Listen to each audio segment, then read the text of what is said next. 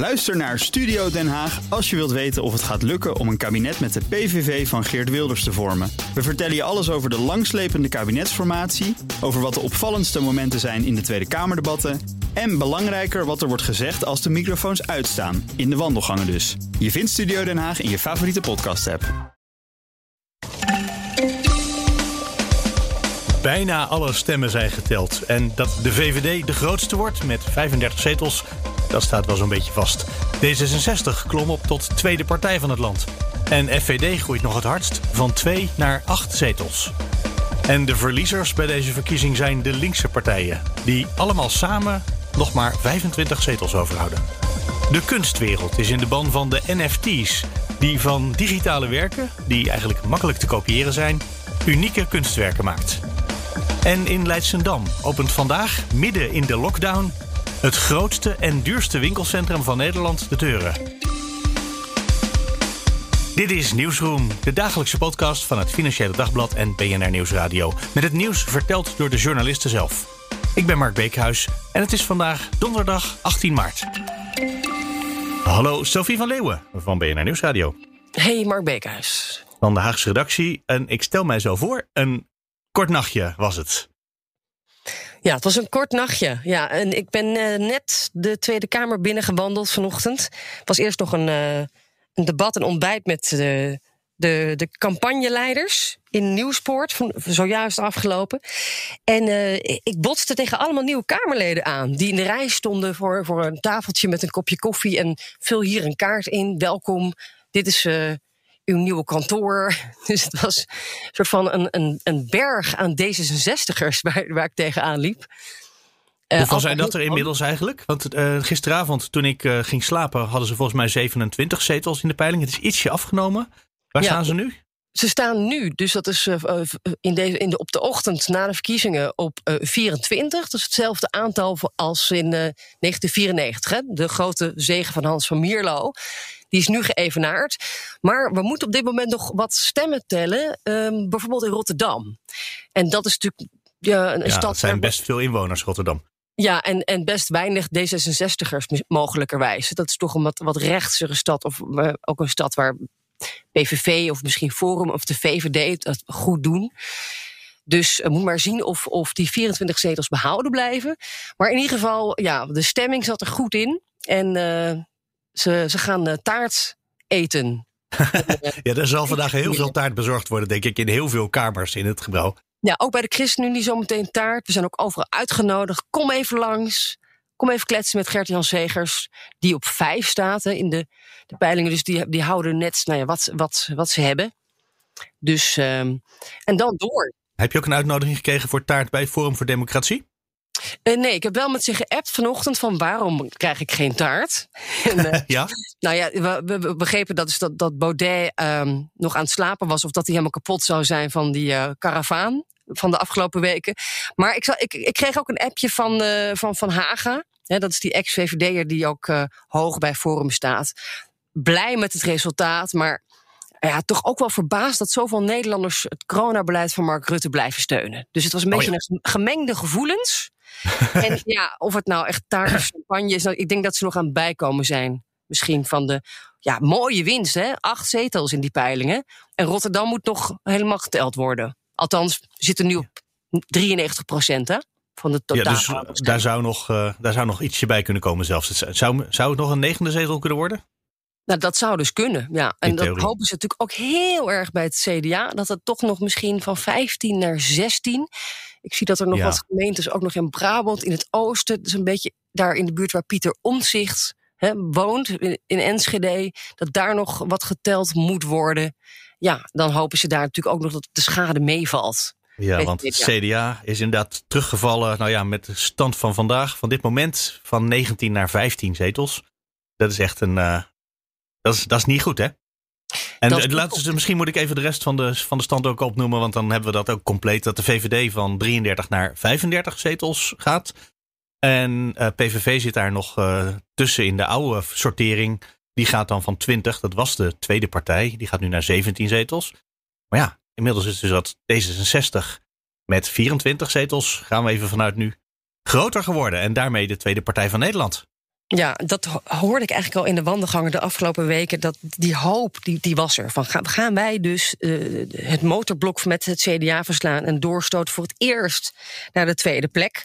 Uh, de, dat is er gelukt, dat is historisch. Dat is heel belangrijk voor die partij. Want dat betekent ja, heel veel dingen eigenlijk. Hè?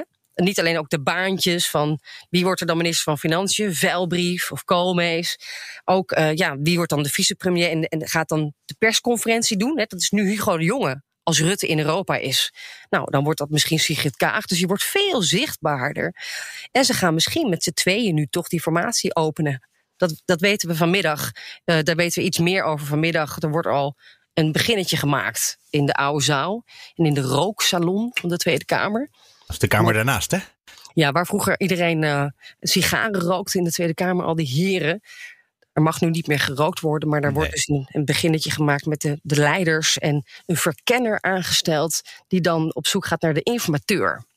En okay, maar hoe doen ze dat eigenlijk? Want ze gaan wel van start, terwijl we nog niet eens alle steden zelfs geteld hebben. Dus uh, er moet nog uh, 8 of zo procent of 7 procent van de stemmen geteld worden op dit ogenblik. En dan hebben ze toch al voldoende vertrouwen om te gaan zeggen: Nou, we gaan iemand van VVD en D66 met alle andere partijen laten praten. Nou ja, eerst dus een verkenner. Hè. Dus het is nou niet dat er nu een informateur al, al, al zit. Uh, dus ik denk rustig aan. Maar de uitslag is natuurlijk wel overduidelijk. Hè. De VVD ja. heeft gewoon een ja, best wel glansrijke overwinning voor de vierde keer. Uh, met zelfs een winst, hè, terwijl ze aan het zakken waren in de peiling. Met, met meer zetels waarschijnlijk dan vier jaar geleden. En um, ja, D66, ja, dat is natuurlijk uh, overduidelijk wat daar gebeurd is gisteren. Ja. Die zijn gewoon dus- heel erg. nou ja, het was niet, uh, het was niet voor niks uh, dat Sigrid Kaag op de tafel sprong om daar een beetje te dansen. Ja, en dan dat is de foto die op alle kranten staat vanmorgen. Hè? We gaan ook de tranen likken bij de oppositie in de wandelgangen vandaag. Ik, daar, daar zal misschien, denk ik, geen taart geserveerd worden. De linkse oppositie met name, die, die is weggevaagd eigenlijk.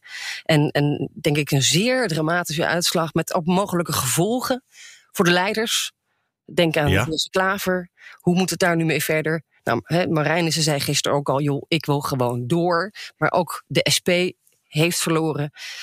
De enige die stabiel lijkt te blijven is Ploemen, hè, de nieuwe leider van de Partij van de Arbeid. Maar ja, het, eigenlijk is er van herstel in de sociaal-democratie absoluut geen sprake. Het ziet er zeer nee. somber voor ze uit. Die hadden negen zetels, die houden negen zetels. Wat natuurlijk voor een. Ja, dat was een van de, van de grote partijen. En dat zie je er nu niet meer aan af. Nee, en dat betekent dus ook dat ja, bijvoorbeeld zo'n vraag van wie gaat er de rekening betalen van de coronacrisis? Volgens links waren dat de bedrijven of de multinationals. Gaat niet gebeuren, waarschijnlijk. Nou ja, dat hangt af van de formatie, maar het ziet er niet meer uit. Ik hoorde ook hele blije ondernemers uh, op de zender vandaag. En uh, ONL ja. en de werkgeversorganisaties zijn allemaal heel erg opgelucht, denk ik, dat uh, de liberalen de grote winnaar zijn van deze verkiezingen. Ja, twee, twee liberale partijen die samen de verkiezingen gewonnen hebben. Zullen wij nog heel even gaan kwartetten? Uh, kijken of we tot een uh, coalitie kunnen komen, wat er mogelijk is. Bijvoorbeeld wat er nu zit: VVD, CDA, D66, ChristenUnie. Dat heeft een meerderheid. Misschien dat het CDA niet zal willen, want die hebben natuurlijk die enorme terugval gehad. Of denk je dat uh, Wopke Hoekstra zich daar zonder al te veel moeite overheen zet? Ja, ik denk persoonlijk dat, uh, dat CDA wel doorgaat. Ja, dat, dat ze wel door moeten. Um, dat heeft VVD... misschien een voordeel. Dat heeft misschien een voordeel dat uh, Wopke Hoekstra dan minister van Financiën kan blijven. En er komen drie hele vervelende parlementaire enquêtes aan, waardoor de regering zomaar zou kunnen vallen. En dan eentje van die, een van die drie gaat ook over zijn ministerie. Dus dan komt het probleem ook gewoon, dan blijft het probleem bij het CDA. Is nou, dat een hele cynische manier van denken? Ja, wel een beetje, denk ik, ja. Ja, maar, maar het zou wel kunnen kloppen, toch? Ik, ik, denk, ik denk dat, dat die partijen zoals hè, Rutte, maar ook, ook, ook Kaag van D66 um, en, en ook Hoekstra van het CDA, uh, dat die met z'n allen gaan nadenken over hoe die grote hervormingen moeten aanpakken in de komende jaren. Grote hervormingen van de arbeidsmarkt, hè, van het hele. Belastingen- en toeslagenstelsel. Nou we hebben natuurlijk de woningmarktcrisis, uh, klimaatcrisis. Er zijn een aantal grote knopen die, die opgelost moeten worden. En uh, met zo'n blok als VVD, CDA, D66 dan kom je al een heel eind. Als het gaat om, nou, denk aan bijvoorbeeld meer vaste banen, minder flex in ruil voor versoepeling van het ontslagrecht. Ja. Um, het is net geen meerderheid, hè, die drie partijen. Het is uh, 75, uh, 74 zetels. Ja, en, en daar, daar, gaat het natuurlijk om hangen. En, en ja, dan, kijk, als je dat soort hervormingen wil doorvoeren, dan zou je, zit je natuurlijk best wel goed met, een, met, de, met de huidige coalitie voortzetten. Uh, met nog een paar zetels van de ChristenUnie erbij. Dat is ja. dan de meest steady coalitie waarvan je ook kunt zeggen: jongens, het is crisis. We zitten nog steeds in de, in de coronatijd. We trekken hem even door met z'n allen, net zolang tot het kabinet valt. He, want dat is ook nog een optie vanwege al die parlementaire enquêtes. Een pragmatische en oplossing, snelle formatie en door. Ik denk dat, he, die, dat is, is dat de grootste kans? Want ik zit een andere. Het, kanshebber is. Het is niet zo heel makkelijk om heel veel om uh, met vier partijen tot een meerderheid te komen. Maar je kan ook nog in plaats van de ChristenUnie de Partij van de Arbeid bijvoorbeeld uh, erbij vragen. Dat is ietsje groter uh, qua coalitie. Dus dat is wat meer stabiliteit misschien nog. Ja, maar dan wordt het ook meteen moeilijker om die hervormingen waar je het over hebt, om die erdoor te, uh, erdoor te krijgen. Nou, dat hangt er vanaf inderdaad waar, waar je het dan over wil hebben. De Partij van de Arbeid is niet uitgesproken tegen kernenergie. En dus dan kun je met, eh, op, op klimaat kun je, daar kun je daar een leuke deal sluiten. Je kunt en heel veel doen met klimaat. En dan misschien nog een beetje kernenergie erbij, omdat Rutte dat ook graag wil.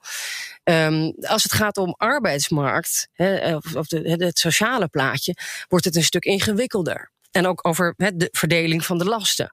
PvdA heeft gezegd, 42 miljard moeten de bedrijven betalen voor, uh, voor na de coronacrisis, voor, voor de nieuwe wereld. Ja, nou, dat is natuurlijk voor, voor de liberalen best wel onbespreekbaar. dat de, de, rekening dus bij het bedrijfsleven komt, dat het al zo zwaar heeft. Als het gaat over de versoepeling van het ontslagrecht, ja, gaat de PvdA daar concessies doen? Uh, in, in, in, in hoeverre worden ze daar dan weer voor afgestraft? Ja. Uh, na, na het volgende kabinet. Uh, hoe, in hoeverre ben je dan helemaal oud op de system? buitenspel daarna. Aan de andere kant horen we ook dat GroenLinks eigenlijk zoiets heeft van: joh, we zijn gehalveerd. De bal is niet aan ons. Hè, met ons, ons moet je misschien maar overslaan deze keer. Die geluiden horen we nu al in de wandelgangen. Dus ja, wat heb je dan nog over? Ja, de SP. Ja. Dat is eigenlijk een misschien nog wel ingewikkelder formatie die je dan ziet. Um, met ook hele dure rekening, denk ik, voor bijvoorbeeld het bedrijfsleven. Maar goed, SP en de VVD flirten veel met elkaar de laatste tijd. Maar dat is ook eigenlijk wel ja, misschien een risico om jezelf dan op te heffen, denk ik. Um, even kijken, en jij hebt, jij hebt nu uh, voor, je, voor de geest uh, VVD plus CDA plus D66 plus SP, hè? Ja, precies. Dus dat, dat is ook een meerderheid, zeker? Wie is die vierde partij? Ja, je zou zelfs nog, als je in een hele linkse bui bent, en de VVD zegt steeds, hoor ik bij Mark Rutte, is echt een linkse partij geworden. Um, VVD, D66, PvdA, SP is zelfs ook nog een meerderheid. Zonder het CDA bedoel je? Zonder het CDA, ja, precies. Ja. En maar met PvdA en SP erin. Dat is gek genoeg een meerderheid. Daar heb ik niemand over gehoord nog. Het ligt vast niet zo voor de hand dan. Nou, nou ja, goed, dan, dan moeten we even afwachten wat, wat het CDA gaat doen. Maar ja, um, ja ik, ik, ik denk toch wel dat CDA zijn verantwoordelijkheid wil nemen. Is een bestuurderspartij. Um, en, en eh, ik denk toch wel dat zij, de kans groot is dat zij gaan doorregeren. En Mark Rutte zei het gisteren ook al direct, heel graag met het CDA. dat is, anders dan wordt, ja, dan wordt hij natuurlijk nog, nog verder veroordeeld tot de linkerflank. En daar zit de VVD helemaal niet op te wachten. Sophie van Leeuwen, dankjewel voor vandaag. Morgen is natuurlijk gewoon Nieuwsroom Den Haag. Dan gaan we nog weer wat verder kijken en kijken wat er nu in de wandelgangen allemaal gebeurt. Tot morgen. Oké, okay, met taart. Oh, wat een goed idee. Hallo, Hella Huuk van het Financieel Dagblad. Goeiedag. We gaan aan de slag met cryptokunst en met NFT's. En die afkorting die heb ik de afgelopen weken een paar keer voorbij gekomen. Dat is iets helemaal hips en nieuws. Uh, maar cryptokunst, dat woord heb ik eigenlijk nog helemaal nooit gehoord. Uh, waar, waar, waar, zit, waar hebben we het over? Ja, we moeten ook maar iets verzinnen wat dan in een kop past en niet al te lang is. En, uh, ja. ja, ik denk dat je het zou kunnen definiëren als digitale kunst, die je ook met een cryptomunt afrekent. Um, um, en die dus wel uniek is. Want dat is denk ik heel moeilijk nu in de digitale kunstwereld dat het heel makkelijk te kopiëren is. Je maakt een videootje en iemand anders maakt een kopietje en heb je twee videootjes. Ja. En dat is natuurlijk net een beetje anders dan met een mooi olieverf schilderijtje waar je toch een goede vervalser moet kunnen zijn. Nou ja, er zijn natuurlijk meestervervalsers. Uh, ja, ja. Hè? Zoals in het Nederlands, hè? hoe heet je ook weer? Ver, van Meegeren? Nee? Van, me, van Meegeren. Moet ik die nog ah, nou, even googelen? nou ja, dit moeten we wel met de zekerheid vanzelfsprekend kunnen zeggen. Han van Meegeren heet hij. Nou, dat was natuurlijk een meestervervalser. Maar één iemand kan maar zoveel vervalsen. En hoewel hij echt altijd super productief was, geloof ik. Ja. Uh, maar digitaal is dat zo makkelijk. En dat maakt dat die waarde van kunst um, heel laag is. Want ja, als iedereen het zomaar kan kopiëren, dan heb je geen uniek stuk. En dat is natuurlijk wel een beetje in de kunst waar het, waar het om draait. Uh, het moet mooi zijn, het moet uh, fijn zijn om naar te kijken. Maar je wil ook zeggen: dit is, ik, heb, ik heb dit enige stuk van Picasso. Of, of uh, van ja. deze tekeningen zijn er maar tien. Voor verzamelaars is dat belangrijk. Ja, als je af en toe in zo'n galerie komt en dan staan daar installaties met 25 beeldschermen, dan denk ik altijd: dit is heel moeilijk te kopiëren. Dus als je dit hebt ook al kan je al die beelden stuk voor stuk makkelijk kopiëren, maar zo'n installatie is nog best lastig. Maar dit gaat over dingen die gewoon puur in, ja, in je computer blijven. Ja, en die kun je dan linken aan uh, uh, een non-fungible token. En die is weer gelinkt aan de blockchain en die maakt het uniek. En, een non-wat? Een non-fungible token, ja. NFT. Dat is dus die NFT. En, en wat, is de, wat is to funge? Wat, uh, wat, uh, wat, als je iets niet kan fungen, wat kan je het dan niet? Nou, dan is het dus eigenlijk niet. Wat ik, nou ja, goed, om het zo uit te leggen. Uh, ik heb bijvoorbeeld Rafael Roosendaal gesproken. Dat is een kunstenaar die al twintig jaar digitale kunst maakt. Ook fysiek werk hoor, maar al heel lang werk maakt met computers. Dat vindt hij echt een nieuw gereedschap om, om zich kunstzinnig te uiten. En die dacht, hoe kan ik er nou voor zorgen dat het uniek blijft? En die heeft gewoon domeinnamen geregistreerd en zijn werken plaatst hij op een domeinnaam. En dan koop je voor 10.000 euro dat domeinnaam. Ah, met dat kunstwerk erop. En dat is dus slim bedacht, want dat is dus uniek. Nou, en, en deze NFT, dat is dus de manier waarop je dan ehm, via de blockchain-technologie toch kan zorgen dat je een uniek werk hebt en niet duizenden domeinnamen hoeft te registreren. En het dus ook makkelijk kan verhandelen. Ja, uh, ik voel meteen een zeker conservatisme bij mezelf opkomen nu. Denk ik, ga ik dat doen? ga ik daar ga ik 10.000 euro uitgeven voor het virtueel bezitten van een virtueel kunstwerk? Ja, dat kon ik mij eerst eigenlijk voordat ik aan dit artikel begon ook helemaal niet voorstellen. Ik kan het me nu ietsje beter voorstellen omdat wat mensen die nu voorop lopen in deze wereld om dit te ontwikkelen en dus met platforms bezig zijn, want er ontstaan dus nieuwe katawikis eigenlijk voor digitale kunst, zeggen van ja, maar ons, ons leven wordt steeds digitaler. We zitten tien uur achter die laptop. En dan willen we misschien wel, we hebben misschien allemaal wel een, een screensaver met, met, uh, met mooie landschappen. Maar hoe gaaf zou het zijn als je een soort Spotify-abonnementje hebt met kunst die echt op jouw smaak is toegespitst.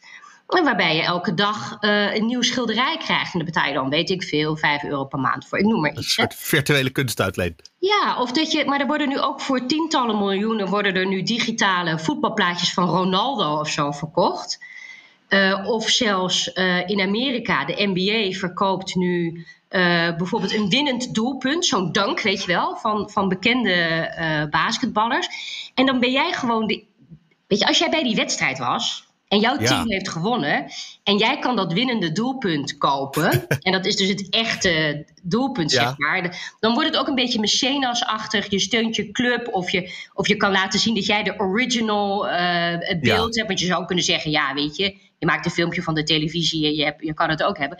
Maar dan, dus wel dat je soort van kan zeggen, ja, maar dit is echt uitgegeven door de NBA en ik was ook bij die wedstrijd. Ja, mensen delen natuurlijk ontzettend veel beelden digitaal. Nou, dat is sowieso waar. Maar voor de kunstwereld, want die is ook wel conservatief. Nee, ik geloof ook niet zo snel dat ik nu iets zou gaan kopen wat ik niet eens aan de muur kan hangen. Um, maar is de, geldt dat ook niet voor de Sotheby's en de, de, andere veilinghuizen waar de kunst toch altijd langs moet? Ja, nou ja, goed. Uh, toch is het Christie's geweest die uh, dat, dat digitale uh, kunstwerk van, van Beeple, die, die Amerikaan, wat dus voor, mhm. voor 69 miljoen uh, dollar is geveld. Daar heeft Christie op ingespeeld. Omdat zij natuurlijk ook wel zien, ja jongens, we moeten hierbij zijn. Dus het is waarschijnlijk allebei waar. Kunstenaars zijn natuurlijk heel innovatief en vernieuwend en zullen alles aangrijpen. ook dus digitale gereedschappen om mooie kunst te maken. Maar de sector zelf bestaat natuurlijk wel uit ja, musea, galleries. Is denk ik de platformisering die we wel zien in het afhalen van eten en zo, is daar dus nog niet zo gangbaar als in andere sectoren. Dus daar zijn nog, nog zeker slagen te maken. Daar valt nog van alles te innoveren. Uh, als mensen dat willen, ja. De, de, zonnebloemen van Van Gogh. Nu zie je altijd Japanners en, en andere internationale bezoekers met zo'n zo'n kokertje lopen door de stad met, met, met, met een postertje van Van Gogh erin. Ehm, hoe leuk is het om, er, om, om, om ook een, een digitale poster te kunnen kopen die je uh, en dan kan je hem uh, natuurlijk nog steeds gekopieerd hebben van internet. Maar als het museum daar toch nog iets extra's mee doet en met een extra logootje en het is het, het, het authentieke ja. uh, uitgegeven door het Van Gogh, ja, dan willen mensen dat misschien wel hebben op hun telefoon of, of, of laptop. Ondertussen zwaai ik even naar de glaaswasser. Uh, ik weet niet of je af en toe wat gebonk hoort. Dat is als die de trap tegen het raam aanzet. Nee, maar ik eh, denk dat er zal heel veel hype in zitten. En dat je echt denkt, ja, er heeft iemand 10 miljoen voor iets betaald. En dat is echt gewoon uh, compleet door de drain. Maar er zijn ook heel veel mensen die, die nu voor 500 euro iets kopen of voor 1000. En ook beginnende kunstenaars een beetje willen steunen. En ja, dat zal zich nog een beetje moeten uitkristalliseren, denk ik. Laten we tot besluit nog even heel praktisch maken. Stel je nou voor dat ik een of ander digitaal kunstwerk wil kopen. Of desnoods een voetbalplaatje. Waar begin ik? Ik bedoel, uh, begin ik met het kopen van uh, bitcoin of een andere munt? Of, uh, en wat krijg ik dan? En waar, hoe zorg ik ervoor dat ik weet dat het van mij is? Nou ja, dat is een, dat is een supergoeie vraag. Want bijvoorbeeld foundation.app, dat is dan zo'n marktplaats voor digitale kunst.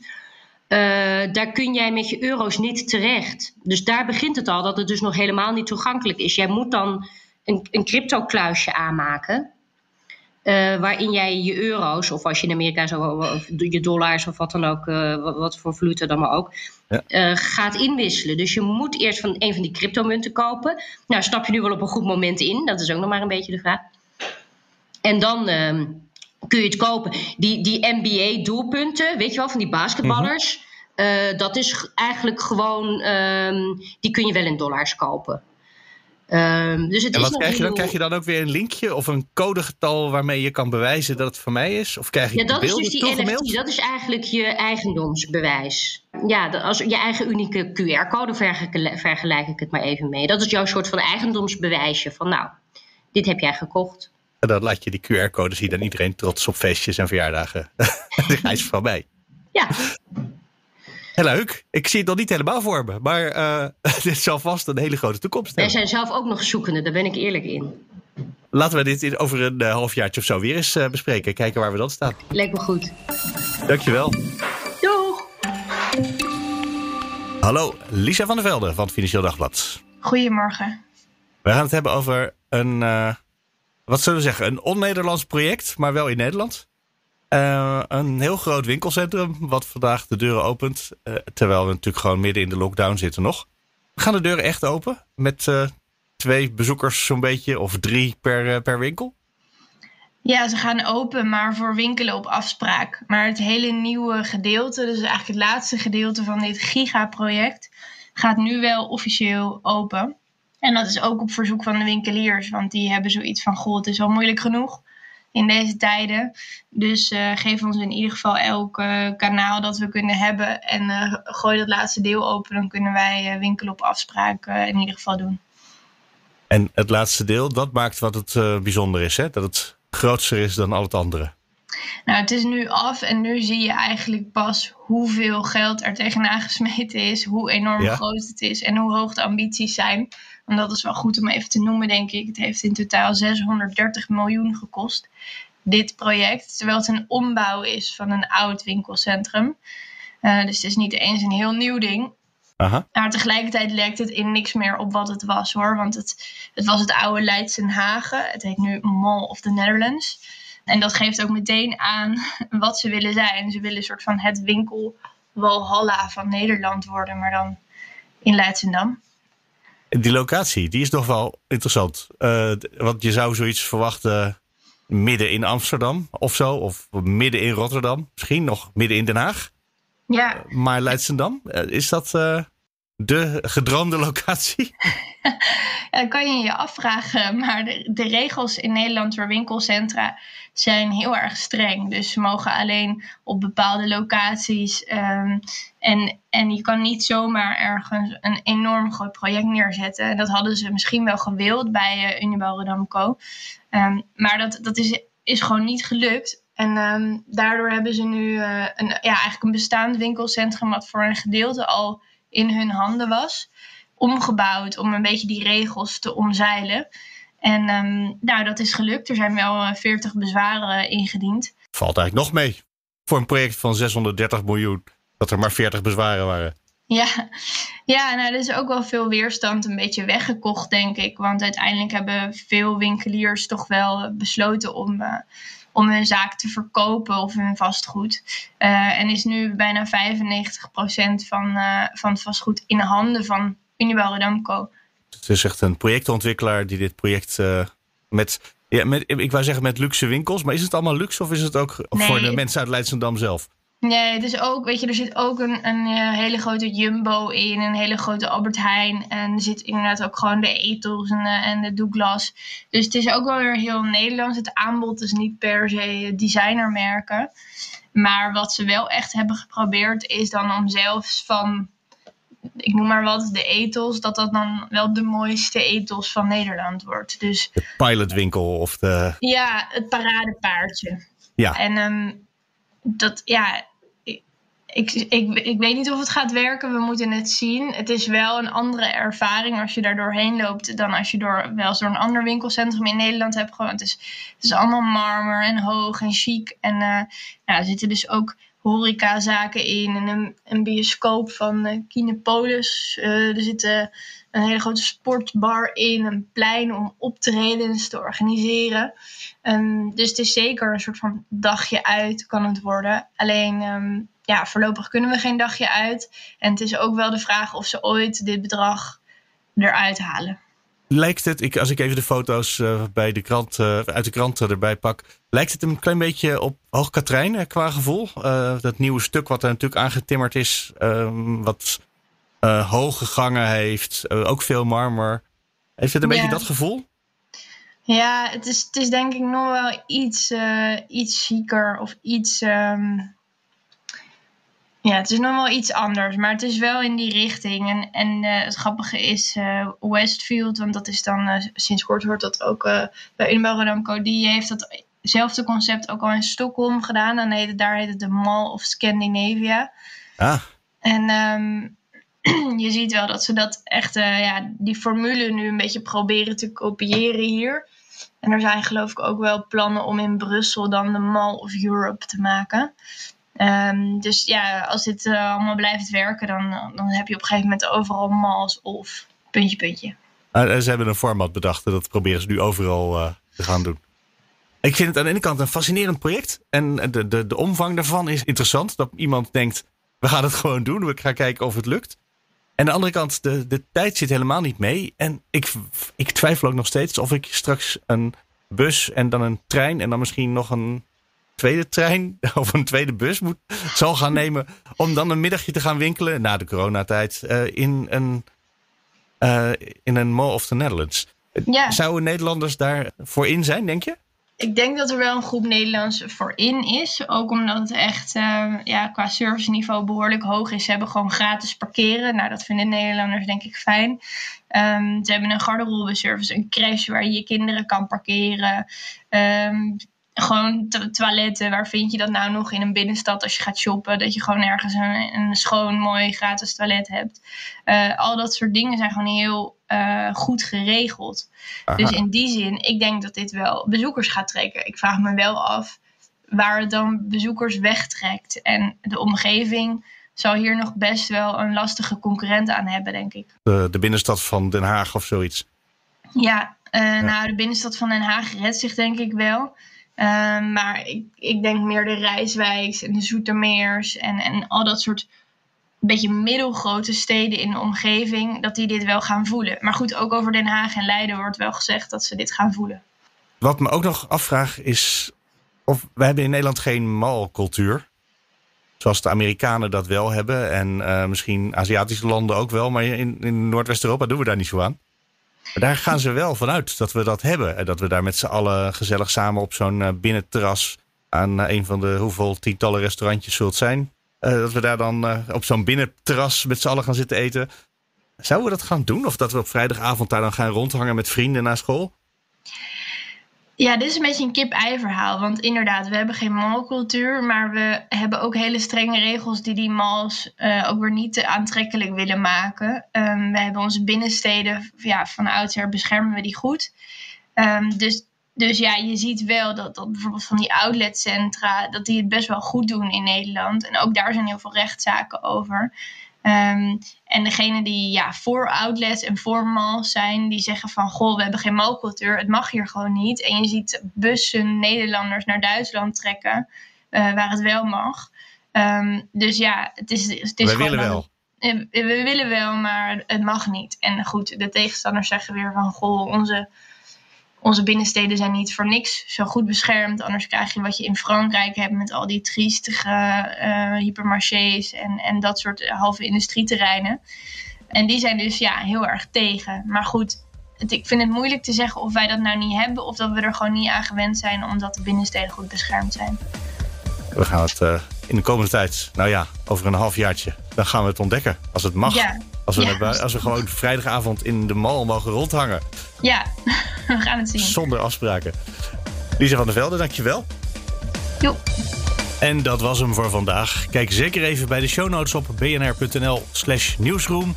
voor een flinke lijst met artikelen die geschreven zijn over de verkiezingen... en over wat er nu gaat gebeuren tijdens de formatie. En daarbij vind je ook de links naar de twee live blogs. Eentje bij BNR en eentje bij het Financieel Dagblad. Morgen zijn we er weer. Dan veel meer politiek in Nieuwsroom Den Haag. En je kan natuurlijk altijd mailen naar nieuwsroom.bnr.nl of nieuwsroom.fd.nl. Tot morgen.